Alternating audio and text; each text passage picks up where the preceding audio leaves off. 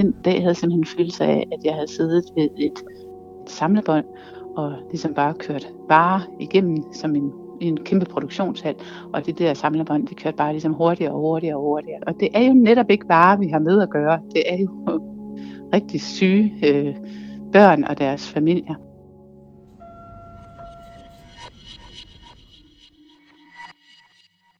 Som at stå ved et samlebånd. Sådan er der flere og flere på hospitalet, der omtaler deres oplevelser af det daglige arbejde. Men som overlæge Vibeke Brix Christensen sagde her i starten, er det ikke varer, men mennesker, der kommer igennem den såkaldte produktion. Og surprise, det er også mennesker, der arbejder på hospitalet. Og det er medarbejdere, som i stigende grad kræver at blive behandlet fleksibelt som individer med forskellige behov. Det gælder læger, sygeplejersker og alle andre faggrupper. I den her episode er svært at tale om på riget, skal vi se på, hvad det er for nogle nye krav, ledere på Rigshospitalet møder, ikke mindst fra de yngre medarbejdere. Vi skal også høre, hvordan det udfordrer dem, og hvordan de møder den nye virkelighed.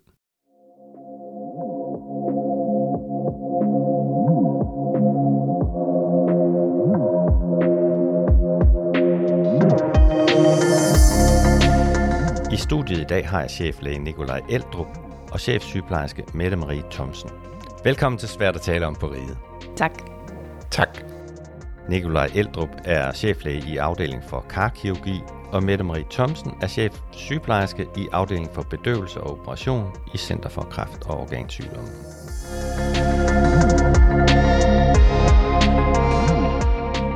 Lad os begynde hos jer. Altså de her ønsker og krav fra jeres medarbejdere om at blive mødt mere som mennesker eller individer og få deres individuelle behov øh, opfyldt. Hvordan oplever du det, Mette Marie? Øh, primært i forhold til arbejdstilrettelæggelse og øh, også noget, der fylder rigtig meget, som vi også lige hørte indledningsvis, det var det her med at føle sig til stede i relationerne, vi har med vores patienter, i stedet for at det bliver samlebånds, tror jeg hun kaldte det, arbejde. At det er et stort behov for dem. Og, og hvad ønsker de sig så? Tid til opgaverne. Men vi snakker meget om, at øh, hvad er dit behov, og hvad er patientens behov. Altså på operationsgangen, der har vi jo daglige operationsprogrammer. Og jeg kan, jeg kan sagtens som menneske sætte mig ind i, også som sygeplejerske sætte mig ind i, det synes, det hænger sammen, at, øh, at man gerne vil trække tiden ud med den enkelte, fordi man, øh, det er sårbare patienter, de er i krise. Øh, det, nogle gange handler det om liv og død. Men der er også nummer to på programmet. Og vi skal gøre det så godt som muligt for den enkelte, men vi skal også tage vare på, at vi når den næste. Godt. Øh, men jeg skal lige høre også det med arbejdstilrettelæggelsen. Hvor, hvor, hvor er det, du møder ønsker der? Hvad er det for en slags ønsker, du møder? Der er rigtig mange, som kommer tilbage fra barsel. Unge sygeplejersker, som lige skal have det der med arbejde og egentlig en nyt form for liv med børn til at, at øh, passe ind, hvor vi prøver at justere en lille smule, så man ikke bliver dræbt på forhånd af at skulle på arbejde igen. Og så rigtig meget med, at institutionerne åbner sent i forhold til vores tidlige arbejdstider. Og det synes jeg, det synes jeg godt, vi kan imødekomme. Altså det er et kæmpe stress for den enkelte at skulle skyde sit barn afsted på en dårlig måde, og så får de en dårlig dag. Nikolaj, hos jer, hvad er det for nogle ting, du møder? De er delt op på, vi har, at som, som lægelig leder, så har du to forskellige personalgrupper. Du har en gruppe af yngre læger, der er under uddannelse, og så har du en gruppe af speciallæger, som er de læger, der er der hver eneste dag og er på arbejdspladsen i mere end to-tre år. Det er, den ene, det er den ene problemstilling, vi har. Det er de her yngre læger, som er blevet mere bevidste om, at de også gerne vil have et liv, og så har vi jo rigtig mange kvinder som læger. 60 procent af de nyuddannede, der kommer ud, det er kvinder. Når de kommer ud efter universitetet, så er de klar til at få børn, og det får de heldigvis. Men det betyder også, at deres prioriteter, det er noget anderledes, fordi det, de er op mod, det er mænd, og de mænd, de bliver, går ikke på barsel på den samme måde. Så der kommer sådan en, en konkurrence, og der kommer en konflikt, men mændene er også blevet mere bevidste om, at de gerne vil hente deres børn. Og da kvinderne bliver mere og mere veluddannede, så kan de ikke bare ringe og sige, jamen jeg står lige her på operationsgangen, og nu skal du hente vores børn, fordi ellers så bliver de afleveret et eller andet mærkeligt sted. Så, så det, er en, det, er en, det er en ny måde at se, det er et nyt behov, og det er en ny erkendelse af, at de, de vil noget andet, og de vil være mere lige. Så har jeg speciallægerne, som er en anden gruppe. Det er en gruppe, som er vant til at være meget dedikeret mod deres patienter. De er vant til, som kirurger, at man gør tingene færdige. Man starter ikke en operation, så går man hjem midt i den. Og de kan ikke forstå, at de yngre, når de kommer, at de har en eller anden forventning om, at når klokken den slår 14.47, så skal de hjem. Det er også sådan, så at de yngre læger de er meget fleksible, og de vil gerne, og de bliver det også, når de ved det på forhånd, hvis det overhovedet kan lade sig gøre. Mm. Men i den generation, jeg selv var, der var det jo ikke noget, vi blev spurgt om. Altså, der, der var det sådan, at man var der til, man var færdig, og det var der ikke nogen, der snakkede om. Sådan var det. Jeg sidder og lytter til, hvad Nikolaj siger, og tænker også, hvor er det stærkt, at de siger det. Altså, der er også tegn på noget power i den generation, som godt kan være, at de udfordrer rammerne, men kan give noget andet. Jeg er egentlig også glad for, at de, de siger fra. Fordi hvis ikke de siger fra, og det her viser sig at være den måde, som de kommende generationer gerne vil arbejde på, så sker der jo det, at vi ikke har nogen, der søger ind på vores afdeling. Og så har vi ikke nogen læger til at føre faget videre. Så, så på den måde, så er det en, det er en god ting, at lægerne faktisk føler sig så trygge, at de tør sige, at vi vil ikke arbejde på den måde. Og på den måde så tvinger os til at gøre de ting, vi ikke selv ser, fordi man måske har lidt en tendens til at bare gøre, som vi hele tiden har gjort. Og måske for en generation af læger i fremtiden, som ikke er så udmattet. Altså tænk, de kan jo måske få noget andet fysiologisk i balance, fordi de får nogle behov tilfredsstillet, som kan gøre, at de kan præstere noget endnu vildere, end dem, der ikke havde sovet i flere dage. Det er den ene ting. Den anden ting, det er jo, at vi har lige mål på kankirurgerne i Danmark. Der har man lige faktisk der en, der har lavet PUD omkring udbrændthed. Og det viser sig, at 70 procent af de speciallæger, der er i karkirurgi, de føler sig udbrændte i en eller anden grad. Og det, det må man også sige, det er jo et signal om, at der er behov for en eller anden form for forandring, hvis vi skal gøre det her bæredygtigt på sigt. Jeg vil godt lige blive der, fordi vi skal lige høre en case nemlig. Vi skal nu høre hele overlæge Vibeke Brix Christensens historie om en dag, hvor der ikke var plads til at være menneske på arbejdet. Det var hende, vi hørte en lille bid af i starten af episoden.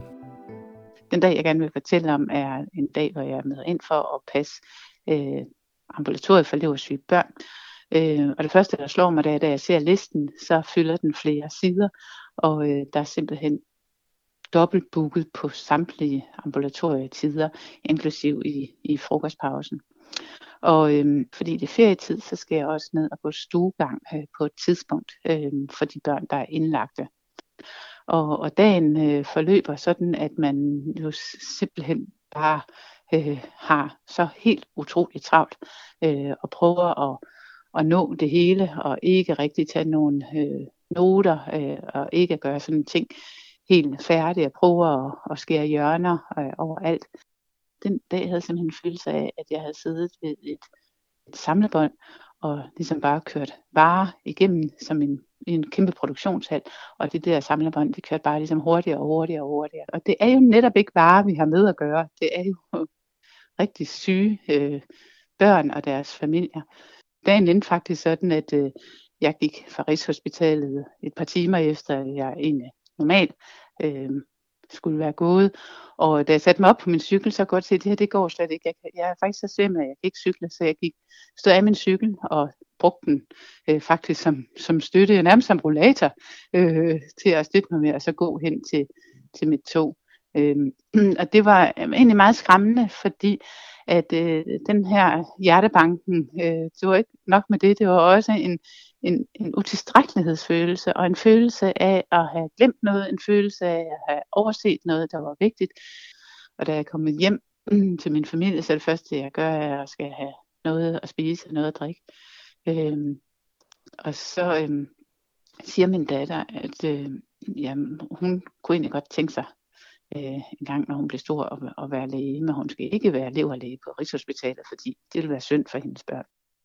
Næste dag, der gik jeg simpelthen ind til min chef og, og kom med et hjertesuk, fordi at jeg kunne ligesom se, at øh, fremad, jamen der var tiderne i ambulatoriet booket med, med to øh, familier på hver tid. Øhm, og hun lyttede heldigvis og tog det meget alvorligt og kiggede på nogle af de arbejdsopgaver, som ligger til os øh, som læger, og kiggede på, kunne vi tage nogle af de opgaver væk, øh, således at det ikke alle, der måske skal komme direkte ind og se specialisten.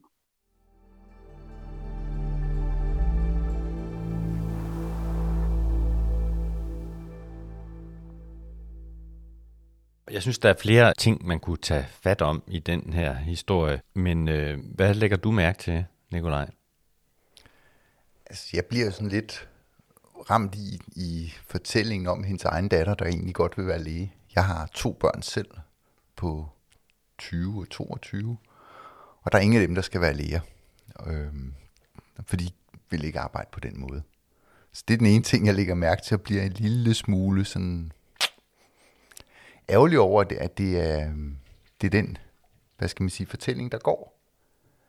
Så, så, så, så det er den ene ting. Den anden ting, jeg, jeg synes, der er rigtig ubehageligt, det er, at hun faktisk går fra arbejde med hjertebanken og, og ubehag. Det, det mener jeg jo ikke, vi skal. Jeg mener, vi skal vi skulle helst gå fra arbejde, hvor vi føler os opløftet over, at vi har nået noget, og vi har gjort en forskel, og vi er en del af noget større. Det, det, øhm, det synes jeg, det vil være det optimale.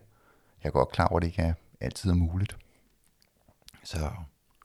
Men så lægger jeg også mærke til, at hendes leder faktisk, når hun står frem og siger det, prøver at ændre præmissen og gerne vil, vil gøre noget for, at, at for arbejdsforholdene skal være bedre. Så der er faktisk også en åben dialog. Så jeg ser det helt klart som en mulighed for, at hvis vi er åbne omkring de her ting, så kan vi også prøve at forandre tingene.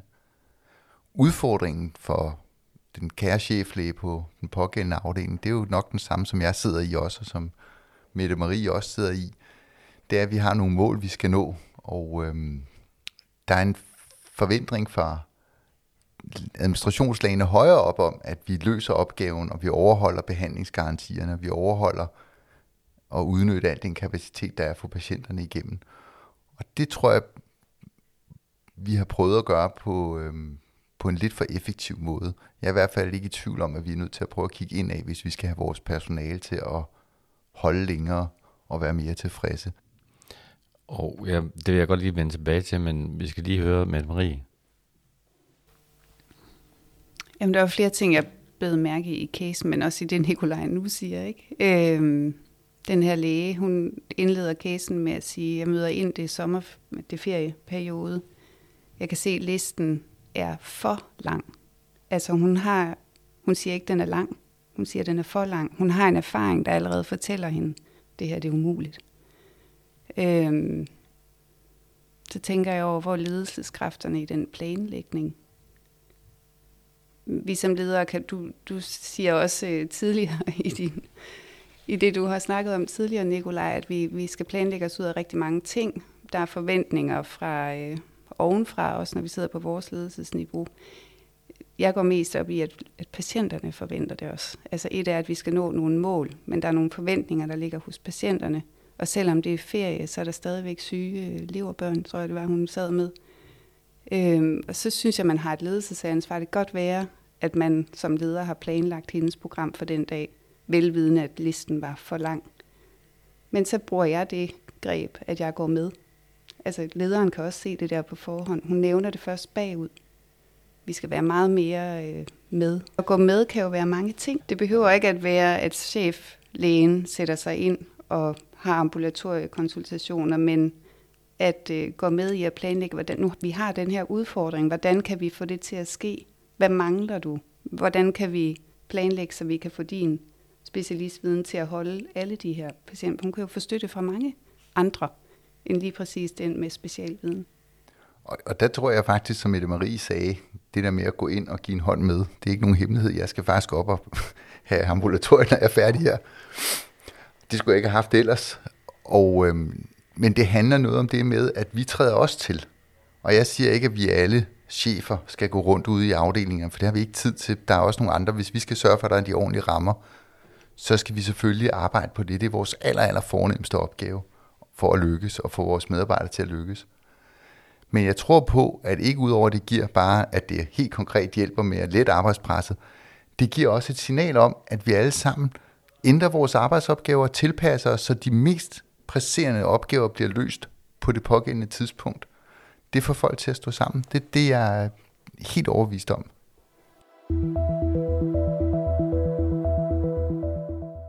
Nu skal vi en tur op i helikopteren, altså den, der giver os et overordnet perspektiv på emnet. Det er ledelseskonsulent Mette Bernsen her fra Rigshospitalet, der fortæller om en ny ledelsestrend. Så lang tid vi kan huske, har vi som mennesker som det mest naturlige i verden indgået i virksomhedernes overvejelse som en ressource på linje med produktionsapparat eller bygninger og forsyninger. Og på arbejdsmiljøområdet har vi tænkt, at vi skal behandle mennesker ordentligt, fordi det kan betale sig. Øh, og, men det vi ser spire frem nu, er tanken om, at vi skal behandle mennesker ordentligt, fordi de er mennesker. Øh, mennesker, som man ikke bare kan forbruge eller slide ned og smide væk. At vi ser den her nye forståelse af mennesker på arbejde, er blandt andet hjulpet på vej af den vækst i psykisk overbelastningsreaktioner, vi ser på samfundsplan, og af en ung generation, der holder på at blive behandlet som individer og jo bare flytter sig til et andet arbejde, hvis de oplever noget andet. Men øh, i bund og grund, så tænker jeg, at det at have plads til at være menneske på arbejde, taler til noget, der ligger dybt, dybt i os alle, og øh, noget, som vi derfor må forholde os til som arbejdsplads.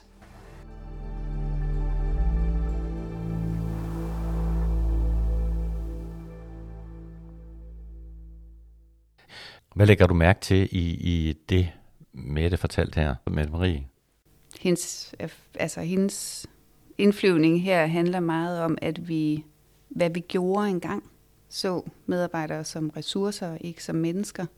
Altså kommer der et tryk for de yngre generationer om at tage mennesket med på arbejde, hvilket jeg jo bare synes er rigtig smukt. Jeg bider også lidt mærke i den der at dele den op mellem enten at være ressource eller menneske, som strider på en eller anden måde inde i mig. Fordi vi er mennesker, men vi har altså også valgt det her arbejde, fordi vi gerne vil stille os som ressource for vores patienter. Jeg er fuldstændig enig, fordi jeg mener jo ikke, at arbejdspladsen er skabt, eller Rigshospitalet er skabt for personalets skyld. Rigshospitalet er skabt for, at vi skal behandle patienterne og give dem den bedst mulige behandling. Men vi kan ikke give nogen behandling, hvis ikke vi har medarbejdere, der har lyst til at være der, og har kompetence og lyst til at udvikle sig. Så det er sådan to sider, der skal balanceres. Men vi er bare nået til erkendelsen af, at selvfølgelig er vi på arbejde for at styrke patientbehandlingen og være der for patienterne. Men vi skal bare skabe et arbejdsrum, hvor vi gør det plads til, at vi kan være os selv, og vi kan være individuelle, og vi kan arbejde på de måder, hvor vi kan give det bedste, der er i os, uden at vi går derfra og ødelagt det. Så vi skal ikke se som sådan en ressource, man bare kan bruge op, og så kan man erstatte den til enhver tid. Det tror jeg, at sygeplejemangel, lægemangel, øh, portørmangel, al, al mangel, har vist, at vi skal gøre det til noget, der er attraktivt. Vi skal skabe nogle vilkår, hvor vi har nogle sammenhold, nogle fællesskaber, der, der giver mening, fordi at vi respekterer hinanden og anerkender hinanden og hjælper hinanden. Det tror jeg på er, er, er vejen frem. Det er ærgerligt, at vi først har fundet den vej nu, på en eller anden vis. Og øh, det er noget, vi, vi på ledelsesplan mange steder tumler med at finde plads til menneskerne på vores arbejdsplads, selvom jeg er fortaler for det både og, ikke? Altså, vi kan godt være modige omkring det, fordi jeg ser i hvert fald i praksis, at det er noget, som øh, chipper ind i fællesskabet, og så kan man bare det mere, hvis man ikke er for stiv omkring rammerne, men man er mere fleksibel. Jeg kommer til at sidde og tænke på den her gamle bytteøkonomi, vi har. At jamen, så byde, i dag kan jeg ikke byde ind med det, men så en anden dag, så byder jeg ind med noget andet. Og den forståelse med, at vi er her, at vi er en helhed. Det er ikke kun mig. Det er en helhed, der fungerer. Det tror jeg, det, det, hvis man opbygger det fællesskab, så, øh, så kommer vi meget, meget langt. Hvis vi, vi tør ikke, fordi man har også på ledelsesplaner i forskellige samtaler, den her indgroede panik for, løber det løbsk? Altså spiser de os øh, levende på en eller anden måde med krav om det ene eller det andet? Hvis nu man som er, er, møder det der med nogle specielle krav, altså for eksempel, øh, jeg, jeg vil gerne komme senere, fordi jeg skal passe, aflevere barn eller et eller andet. Hvad, altså, hvordan kan man gøre imødekomme det, uden at det pludselig går amok?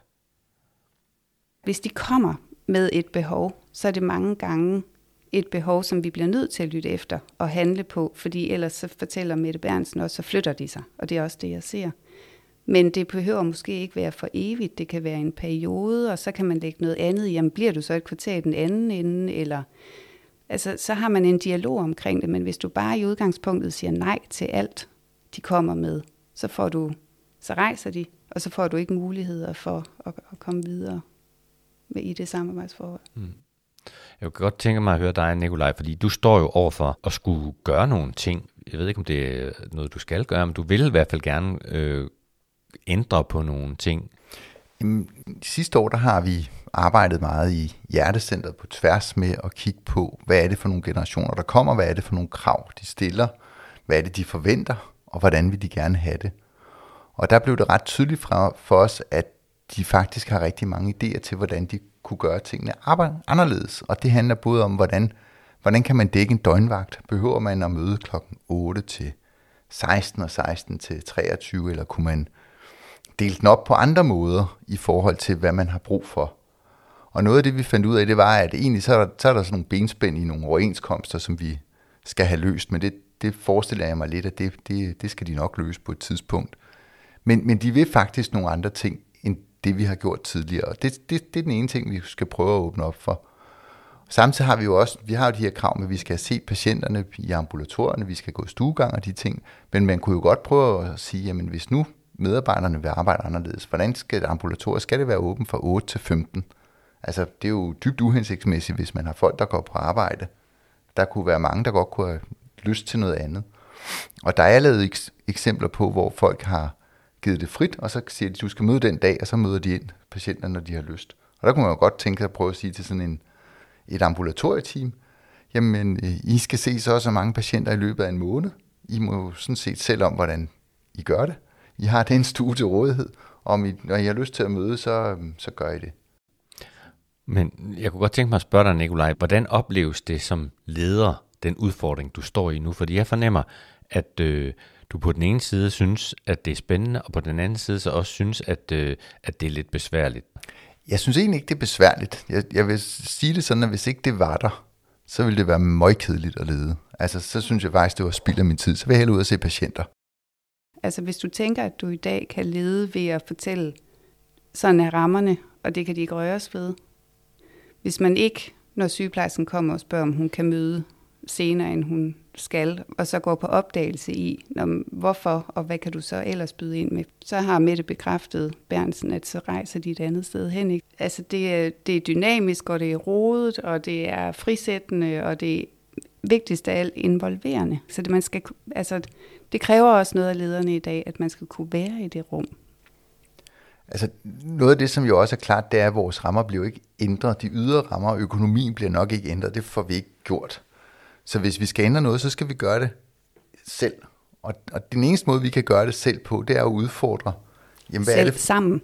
Ja, altså. Og selv, der mener jeg afdelingerne og centerne og, og den måde. Det er jo, at, at medarbejderne får lov til at foreslå nogle andre ting, nogle andre måder at gøre det på, fordi der er ikke nogen præmisser oppefra om, at vi skal arbejde på et bestemt tidspunkt, eller øh, se så så mange patienter i timen. Der er en forventning om, at vi ser patienterne i løbet af en måned, og at vi overholder nogle behandlingsgarantier.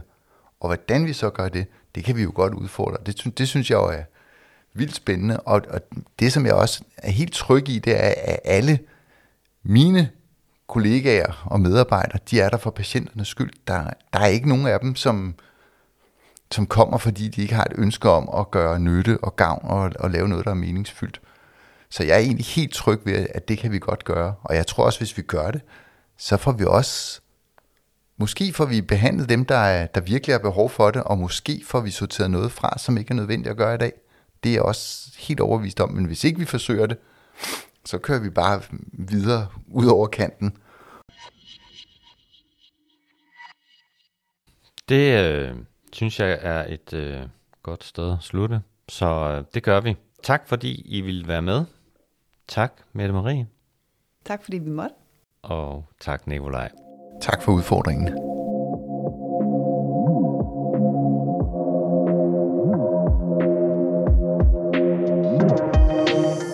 Svært at tale om på Ride er en podcast fra Rigshospitalet. Mette Bernsen var med i redaktionen, Morten Vesterbjerg Andersen er redaktør, mit navn er Søren Svidt. Find de øvrige episoder i Svært at tale om på ride, der hvor du henter din podcast.